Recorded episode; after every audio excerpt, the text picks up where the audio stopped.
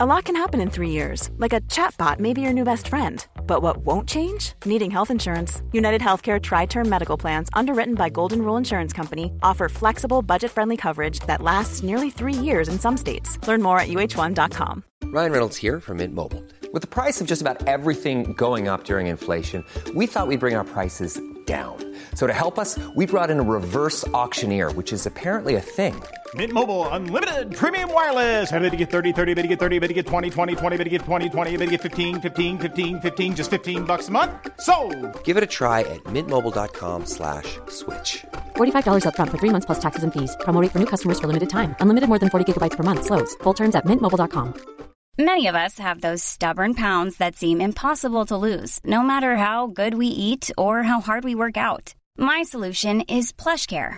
PlushCare is a leading telehealth provider with doctors who are there for you day and night to partner with you in your weight loss journey. They can prescribe FDA-approved weight loss medications like Wagovi and Zepbound for those who qualify. Plus, they accept most insurance plans. To get started, visit plushcare.com slash weight loss. That's plushcare.com slash weight loss. Gjenklang.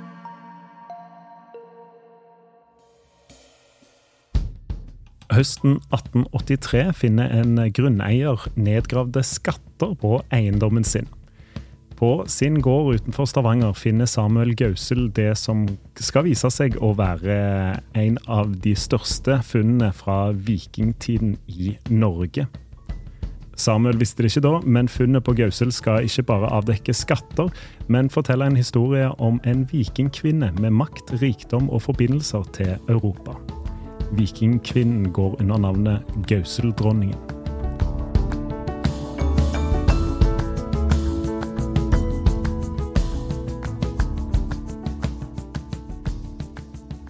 For å fortelle oss om Gauseldronningen og et av norgeshistoriens største gravfunn fra vikingtiden, så har vi fått besøk av første emanuensis eh, Sanette Glørstad. Velkommen til Historier som endret Norge. Takk skal du ha. Du jobber ved Historisk museum i Oslo og Arkeologisk museum i eh, Stavanger. Vi kan kanskje starte, starte litt tilbake til, til 1880-tallet, når eh, denne bonden Samuel Gausel finner noen skatter på eiendommen. Hvordan gjør han det? Han er ute og rydder eh, jorda si. Eh, og så skal han rydde opp i en røys eh, som ligger eh, litt i veien. Og etter hvert som man fjerner steinene, så dukker det ene etter det andre opp. Og han ser omrisset av et kammer med store steiner, omringet av store steiner. Og så tar han eh, tingene forsiktig ut og noterer seg alt. Og eh, kontakter først en smed og spør om han kan formidle funnet. Og mm, det gjør smeden. Han kontakter Bergen museum, og så blir hele dette funnet solgt til Bergen museum. For den nette sum av? Av 70 kroner. Ja, Det høres jo lite ut i dag. Eh, Ja, jeg er ikke helt sikker på hvor mye det har vært i dag, men det var vel nok ikke en kjempestor sum. Men, men eh, det var vel eh, Man visste kanskje ikke helt på Bergen museum heller på den tiden hva det var man var i ferd med å ta imot. Mm. Men Samuel Gausel og konservatorene på, i Bergen, de utvekslet brev og informasjon, og, og det gikk veldig ordentlig for seg. Mm. Og så begynte man å se på gjenstandene, og så kom det enda flere ting inn fra Samuel Gausel, som hadde funnet når han ryddet litt videre.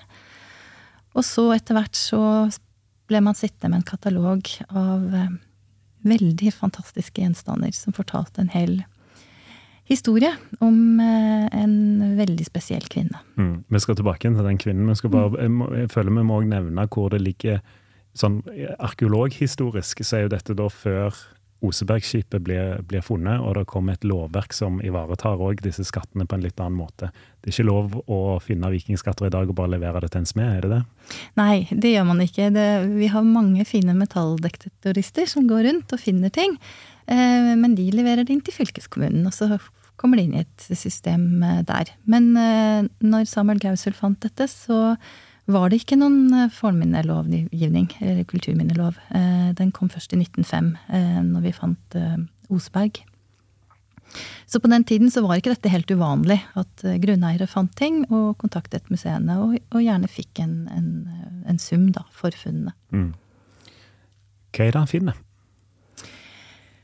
Han finner eh, rester av fantastiske smykker, som mm. er av en helt unik karakter. Han finner eh, rester av eh, et fantastisk seletøybeslag, som viser seg å være importert fra Irland. Seletøy, altså til hest? Til hest, ja. Mm. Mm -hmm. Han finner eh, rester etter et eh, drikkekar med Eller tre, tre drikkekar sånne, som har vært eh, hornformede. Og en stor bolle som har hatt løveformede beslag, som de har vært hengt opp i. han finner en rar stav som er uvisst av hvilken eh, funksjon. Han finner en spesiell ring, en helt sort ring, som er av jet, som eh, er en form for eh, mineral som er importert fra England. Det er et helt sånn et, et, et stort spenn i eh, gjenstander som alle er av en veldig spesiell karakter. Mm. Eh, klarer man da på 1880-tallet å tidsidentifisere når disse gjenstandene er ifra? I begynnelsen så er det vel litt uh, vagt. Altså man vet det er vikingtid, uh, og så tenker man 800-tallet. Og så er det en veldig kjent arkeolog som heter Egil Bakka, som gikk veldig grundig gjennom funnet, og som har tidsfestet det litt nærmere, og mener det er fra omtrent 850-860. Mm. Så ganske tidlig i det vi kaller for vikingtid.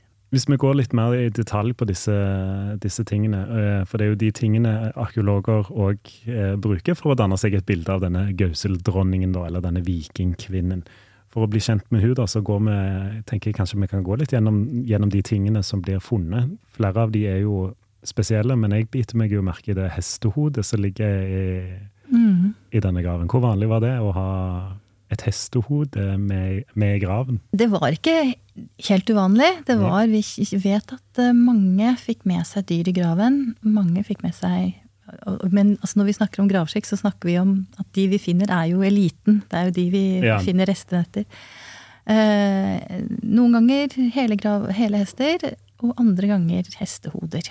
Og i dette tilfellet her så var kammeret for lite til at det kan ha vært en hel hest. Men Nede ved føttene hennes så lå eh, rester av et kranium, eh, og vi har også funnet flere tenner senere, og hele dette seletøybeslaget. Så hun har fått en, et hestehode. Mm. Som da er pyntet med dette seletøybeslaget og lagt ned ved føttene hennes. Ja. Det er en, et sted mellom 13 og 15 deler. Eh, de er av eh, gullforgylt sølv. Eh, de er eh, ornert på en måte som gjør at vi ser at det er førsteklasses arbeid eh, produsert i Irland. Det var de store klostrene, gjerne, som var store håndverkssentre. Og fra rundt 600-tallet så skjer det en, en, slags sånn kunstnerisk og håndverksmessig revolusjon i Irland. Det er fantastiske kunstgjenstander de produserer.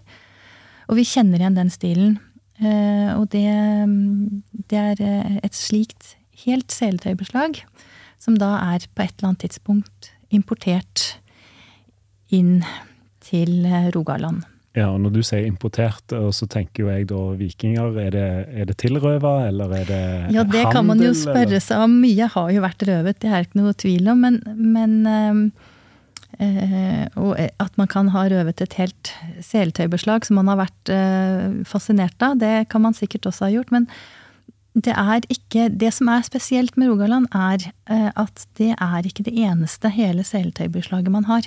Man har et annet et som er enda, enda flere deler, fra Soma, ikke rett ved siden av.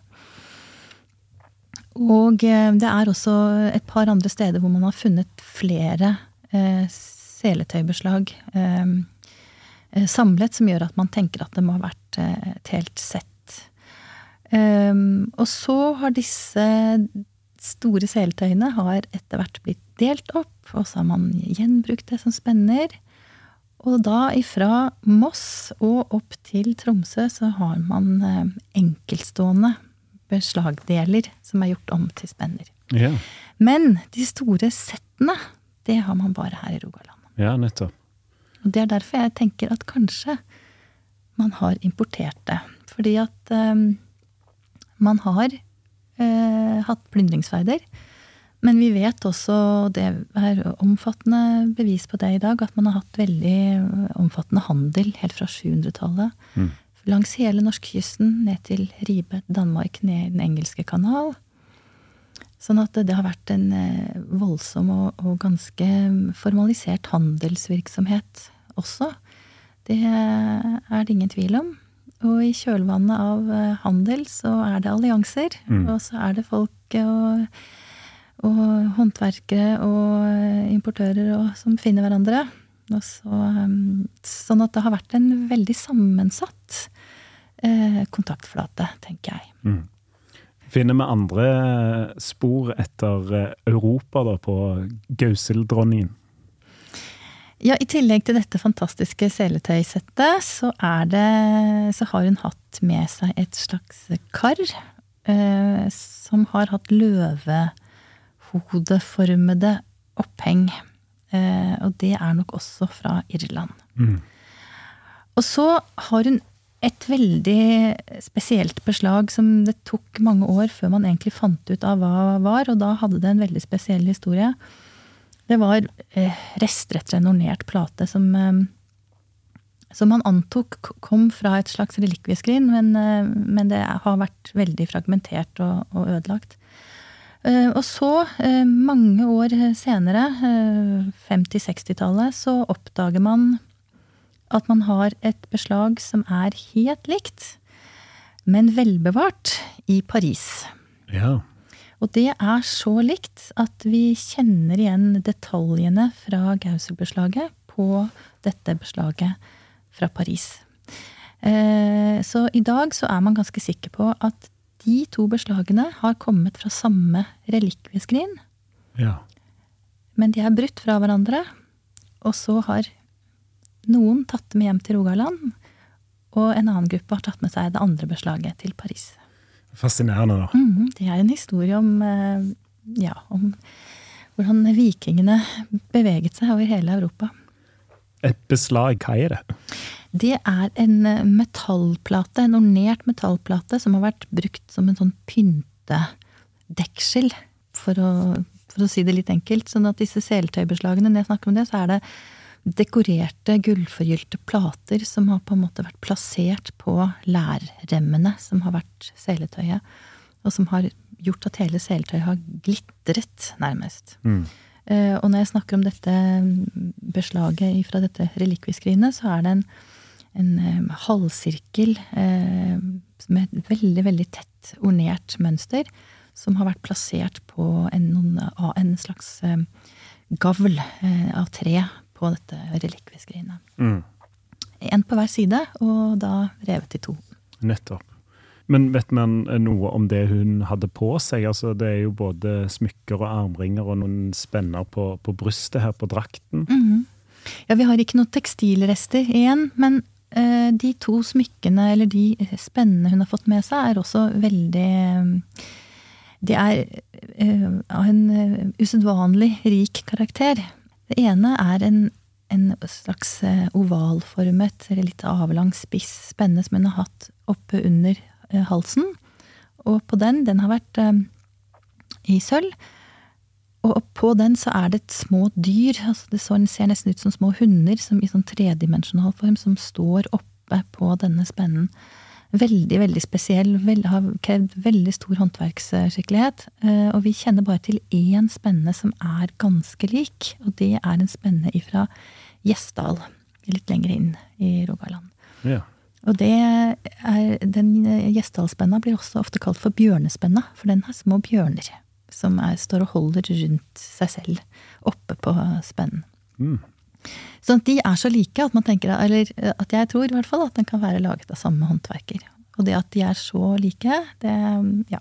Og, og nært geografisk, da. Nært geografisk. Jeg tenker jo at her er det, her er det Disse to damene har kjent hverandre, tenker Ja. jeg. Eller i hvert fall vært ja. veldig del av et samme miljø.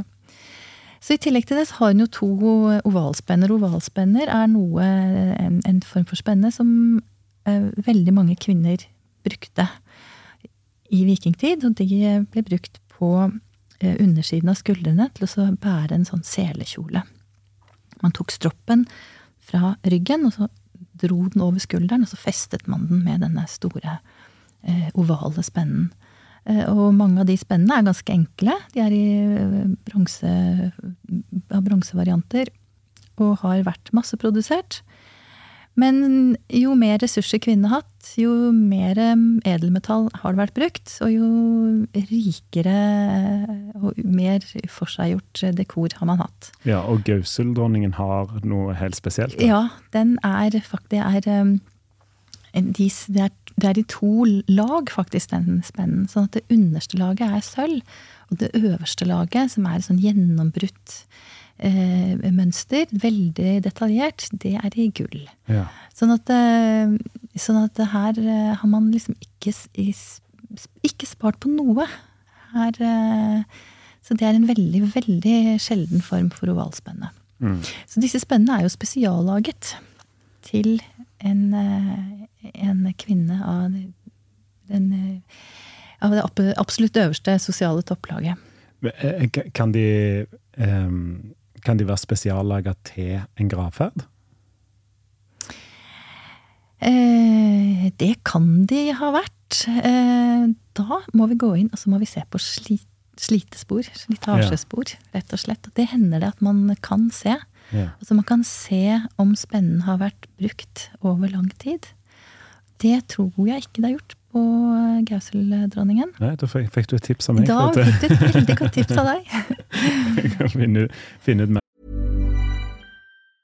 Mom deserves the best, and there's no better place to shop for Mother's Day than Whole Foods Market. They're your destination for unbeatable savings, from premium gifts to show-stopping flowers and irresistible desserts. Start by saving 33% with Prime on all body care and candles. Then get a 15-stem bunch of tulips for just $9.99 each with Prime. Round out Mom's menu with festive rosé, irresistible berry chantilly cake, and more special treats. Come celebrate Mother's Day at Whole Foods Market. Life is full of awesome what ifs, and some not so much, like unexpected medical costs. That's why United Healthcare provides Health Protector Guard fixed indemnity insurance plans to supplement your primary plan and help manage out of pocket costs. Learn more at uh1.com.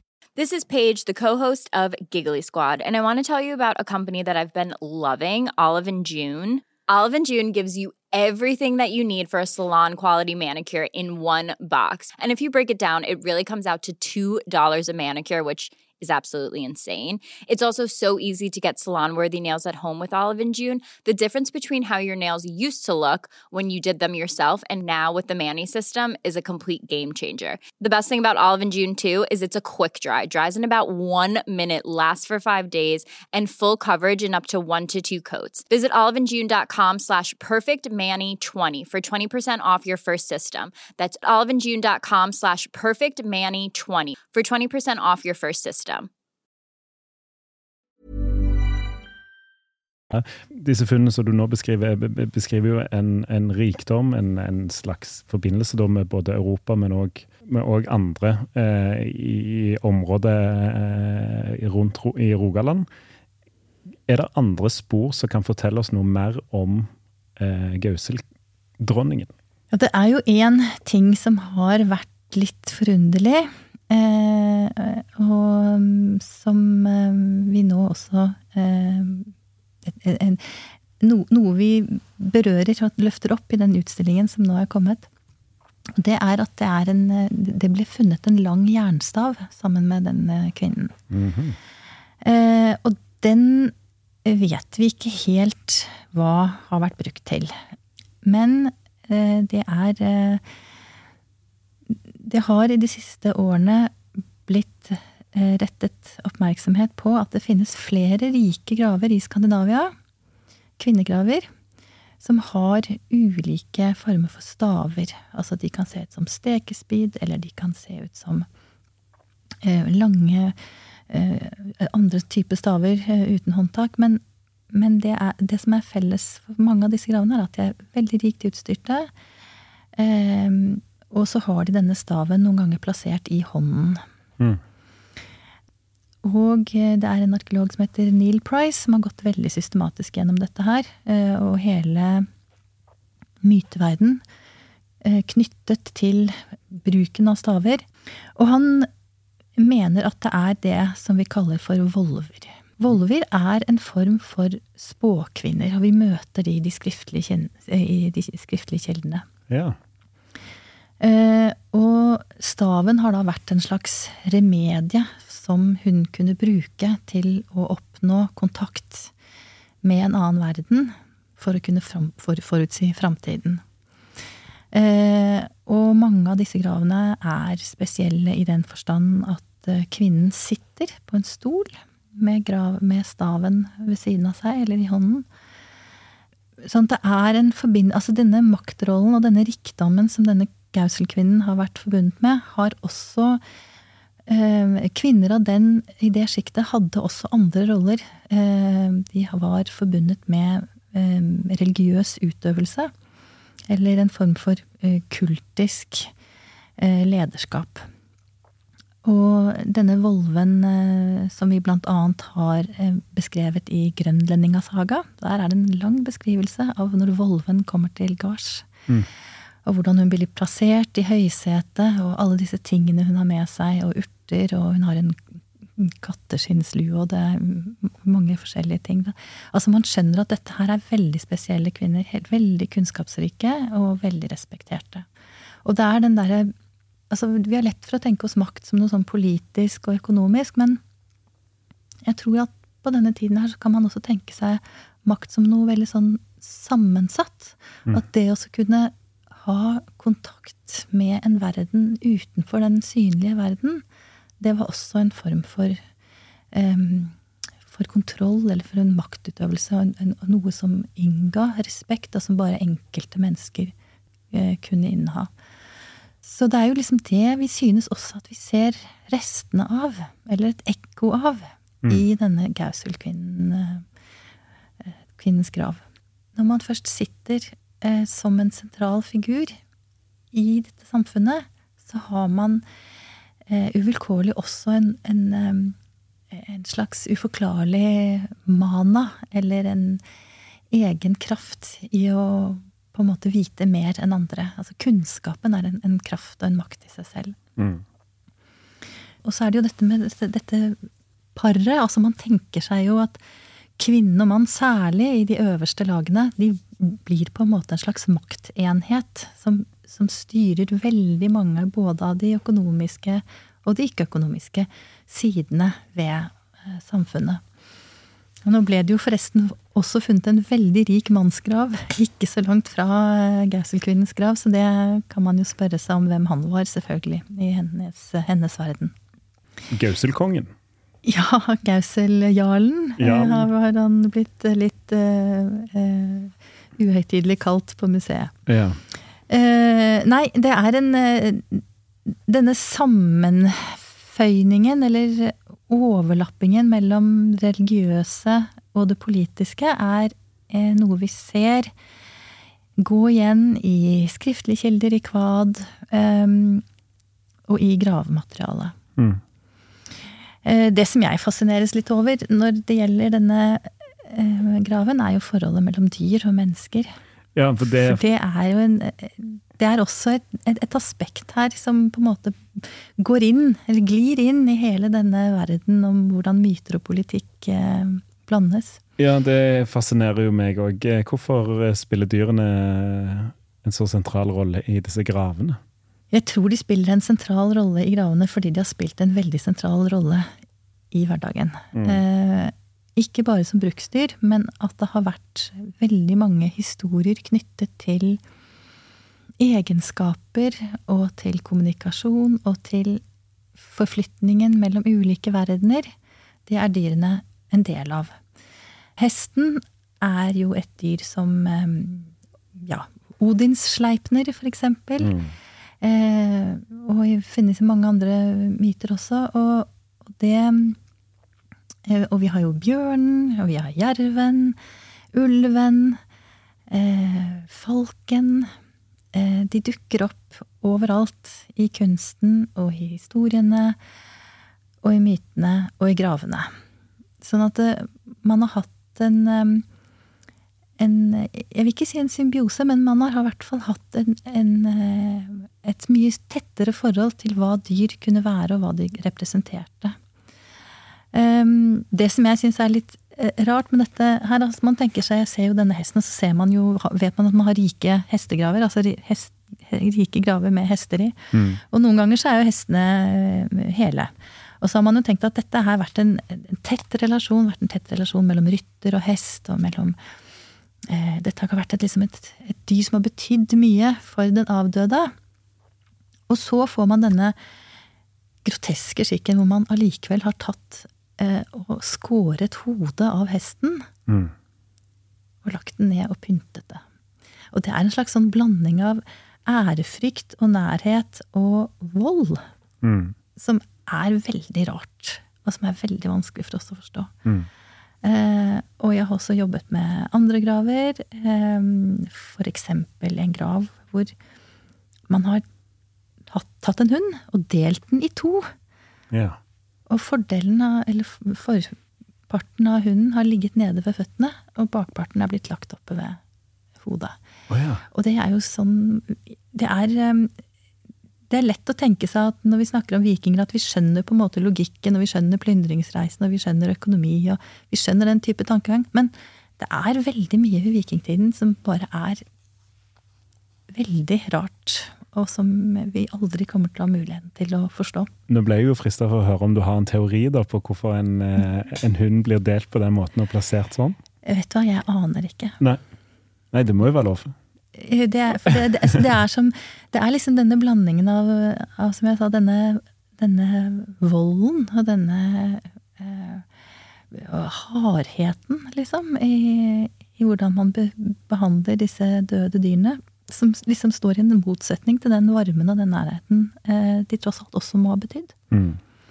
Så Ditt, ditt, forslag er like godt som mitt. ja, men det, det, det, er godt å høre, men jeg tør ikke å ha noen forslag, jeg heller. Det jeg lurer litt på, er mm, Disse funnene forteller litt om eh, kvinnenes rolle i, i, vikingtiden. Veldig mange eh, graver som vi har fra vikingtiden, er rike kvinnegraver. Det vi vet, er at eh, det har vært et veldig lagdelt samfunn. Man har hatt eh, det har vært veldig stor forskjell fra jarl og, og dronning til slavene. Men innenfor eh, de øverste sjiktene så har eh, kvinnene hatt veldig stor eh, betydning. Og så igjen så er dette snakk om makt. Hva er makt? Makt kan være formell politisk utøvelse. Men formell politisk utøvelse opp oppnås også gjennom allianser. Eh, gjennom å håndtere eh, gjestebud, gjennom å håndtere ekteskap, gjennom å håndtere økonomiske ressurser knyttet til gården. Eh, og det er den rollen der som en slags komplementær maktrolle vi ser, tror jeg, i, de, hos de øverste lagene. Sånn at eh, akkurat som man tenker seg dagens, eller i hvert fall sånn som før i tiden, eh, kongefamiliene.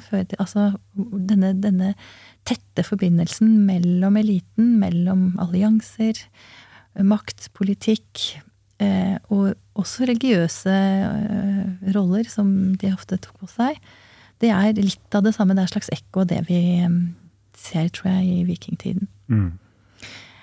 Og så kan man jo spørre seg om eh, Eh, var alle disse rike kvinnegravene langs kysten, hvem, hvem, var de? Og hva slags forbindelse hadde de til hverandre? Vi har snakket litt om Oseberg-dronningen, eh, bare helt kort.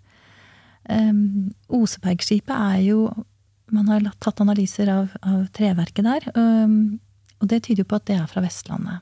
Ja. Eh, og, og Gauseldronningen og Osebergdronningen har levd på omtrent samme tid. Ja. Eh, Osebergdronningen kanskje noen få tiår eh, før. Sånn at eh, så er det jo mange likheter mellom Gauseldronningens grav og flere av de rike kvinnegravene vi har oppover hele kysten. Man kan kanskje tenke seg at dette har vært et, eh, et slags eh, elitenettverk. Ja. At man har eh, møttes på gjestbud, man har avtalt giftermål, man har avtalt eh, allianser. De har vært eh, mye mer knytta til hverandre, i tillegg til det eh, området de kommer fra. Det tror jeg de kan eh, Det tror jeg de har vært. Var de mektigere enn mennene sine? Ja, kanskje noen var det. Kom du fra en skikkelig storlåten familie med masse ressurser, så var kanskje mannen heldig. Hvis han kunne Mm. få kapret seg en sånn kone. Og da satt nok konen med både familien og tradisjonen og, og den formelle makten innad i ekteskapet, kanskje. Mm.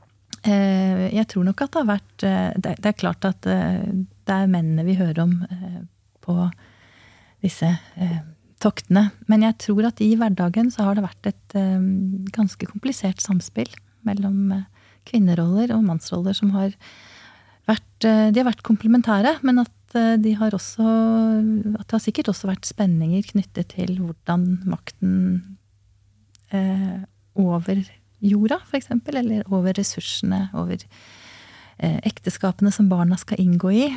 Det har vært en forhandlingsarena mellom, mellom eh, mann og kone, kan jeg tenke meg noen ganger. Mm. Mm. Du nevnte jo òg at uh, gjennom handel så, så ligger det en allianse i, i bakgrunnen. Uh, kan du fortelle litt mer om, om den mulige alliansen her gjennom Norge og Irland? Eh, Rogaland er et område som, hvor, som skiller seg ut med veldig mange slike irske importfunn. Og alle de funnene av sånn spesiell karakter vi har i Gauseldronningens grav, det har jo bidratt til at man har tenkt seg at det har vært en allianse mellom Rogaland og Dublin-riket, som det heter. I etterkant av de første plyndringsferdene fra slutten av 700-tallet så begynte vikingene å overvintre i Dublin fra 841. Eh, Og så ble de, eh, de- de- Den eh, militærleiren der utviklet seg ganske raskt til en handelsby, og til Dublin, slik det eh, etter hvert er i dag. Ja. Eh, Og det var jo en vikingby i veldig stor grad. Eh, Og med et eget kongedømme og et Som var storpolitiske aktører. Og, og kontakten mot Irland og mot Dublin-riket må ha, vært, ha hatt en helt fundamental betydning for Særlig for Vest-Skandinavia, særlig for vestkysten av Norge. Eh, Gjennom den kontakten så har man kontrollert eh, handelsnettverket i hele Irskesjøen ned til eh, Den engelske kanal og over Nordsjøen. Og det har vært enorme ressurser som har vært fraktet fram og tilbake. Mm. Sånn at et alternativ og en plausibel forklaring på Gauseldronningens rolle er jo at hun har vært en viktig aktør i dette nettverket over, over Nordsjøen til Dublin. Mm. Det bryter jo òg litt med det populærkulturelle bildet man har om at vikingene bare, bare herja, men her er det drevet handel òg. Og de drev masse handel, eh, og de langs hele irskekysten så ble det grunnlagt byer. Eh, Og York, som var en gammel romersk by i England, ble også overtatt av vikingene og ble en veldig viktig mm, handelsby. Eh, Vi vet at eh, allerede fra 700-tallet så ble kammer og bryner og jern fraktet ned til, eh, til Danmark. Og det har vært et stort europeisk handelsnettverk. Som kanskje ikke vi eh, tenker oss, men det, det er en slags sånn forløper til hele EU. Den, eh, Ja. det skjedde allerede da, Ja. på en måte. Mm. Disse funnene eh, har, jo, har jo vært i Bergen, men jeg har skjønt det sånn at eh, Arkeologisk museum i, i Stavanger har, eh, har fått låne noen av disse eh, gjenstandene, eller alle gjenstandene. Ja, det er eh, alle de som kunne stilles ut, for de er jo begynt å bli litt skjøre, noen av de. Ja. Eh, Men alle de som kunne stilles ut, det er nå kommet til eh, Stavanger, og er nettopp blitt stilt ut i utstillingen her. Den utstillingen som heter Veit du nok, eller hva? Som Ja. handler annet om Gauseldronningen, og om de ulike mytene som preget vikingenes hverdagsliv. Mm. Kan man si at Gauseldronningen har endra Norge? Eh, ja, om hun endret Norge i seg selv, det kan man jo spørre seg om. Men det, jeg tenker at um, det hun bærer vitne om, var en tid som endret Norge. Ehm, eh, hun er et symbol på en, eh, en tid hvor Norge I hvert fall Norge sånn som det er i dag, åpnet seg mot verden og, og ble og tok inn store deler av verden på en åpen og nysgjerrig måte. Ehm, samtidig så har den jo også Så var den et viktig funn i forkant av Oseberg-funnet. Eh, og det er akkurat den type funn som Gauseldronningen eh, som eh, langsomt bidro til at man så at eh, man kunne ikke Man måtte ha en slags ramme rundt fortiden rundt arkeologiske funn. Og som eh, gradvis bidro til at man fikk den eh, kulturminneloven som i dag gjør at vi kan bruke vikinger som et slags symbol i hele verden. Eh, fordi at vi har samlingene som forteller om dem. Mm. Og vi får et, eh, et større bilde og et bedre inntrykk av hvordan de, hvordan de var og opererte. Gauseldronningen er det fortsatt noen mysterier eh, igjen rundt henne å grave, grave i, men vi kan jo ta en del av det i, i utstillingen da, på Arkeologisk museum i Stavanger denne høsten. Sanette Glørstad, takk for at du tok deg tid til historier som endret Norge.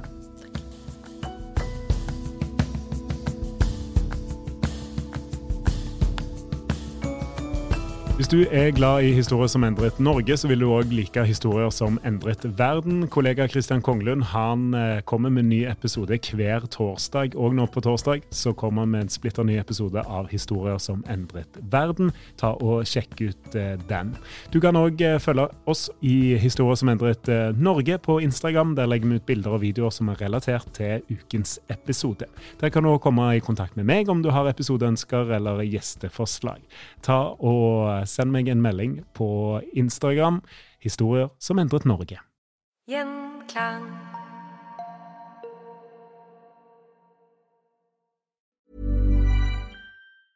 Hey, it's Paige DeSorbo from Giggly Squad. High quality fashion without the price tag. Say hello to Quince.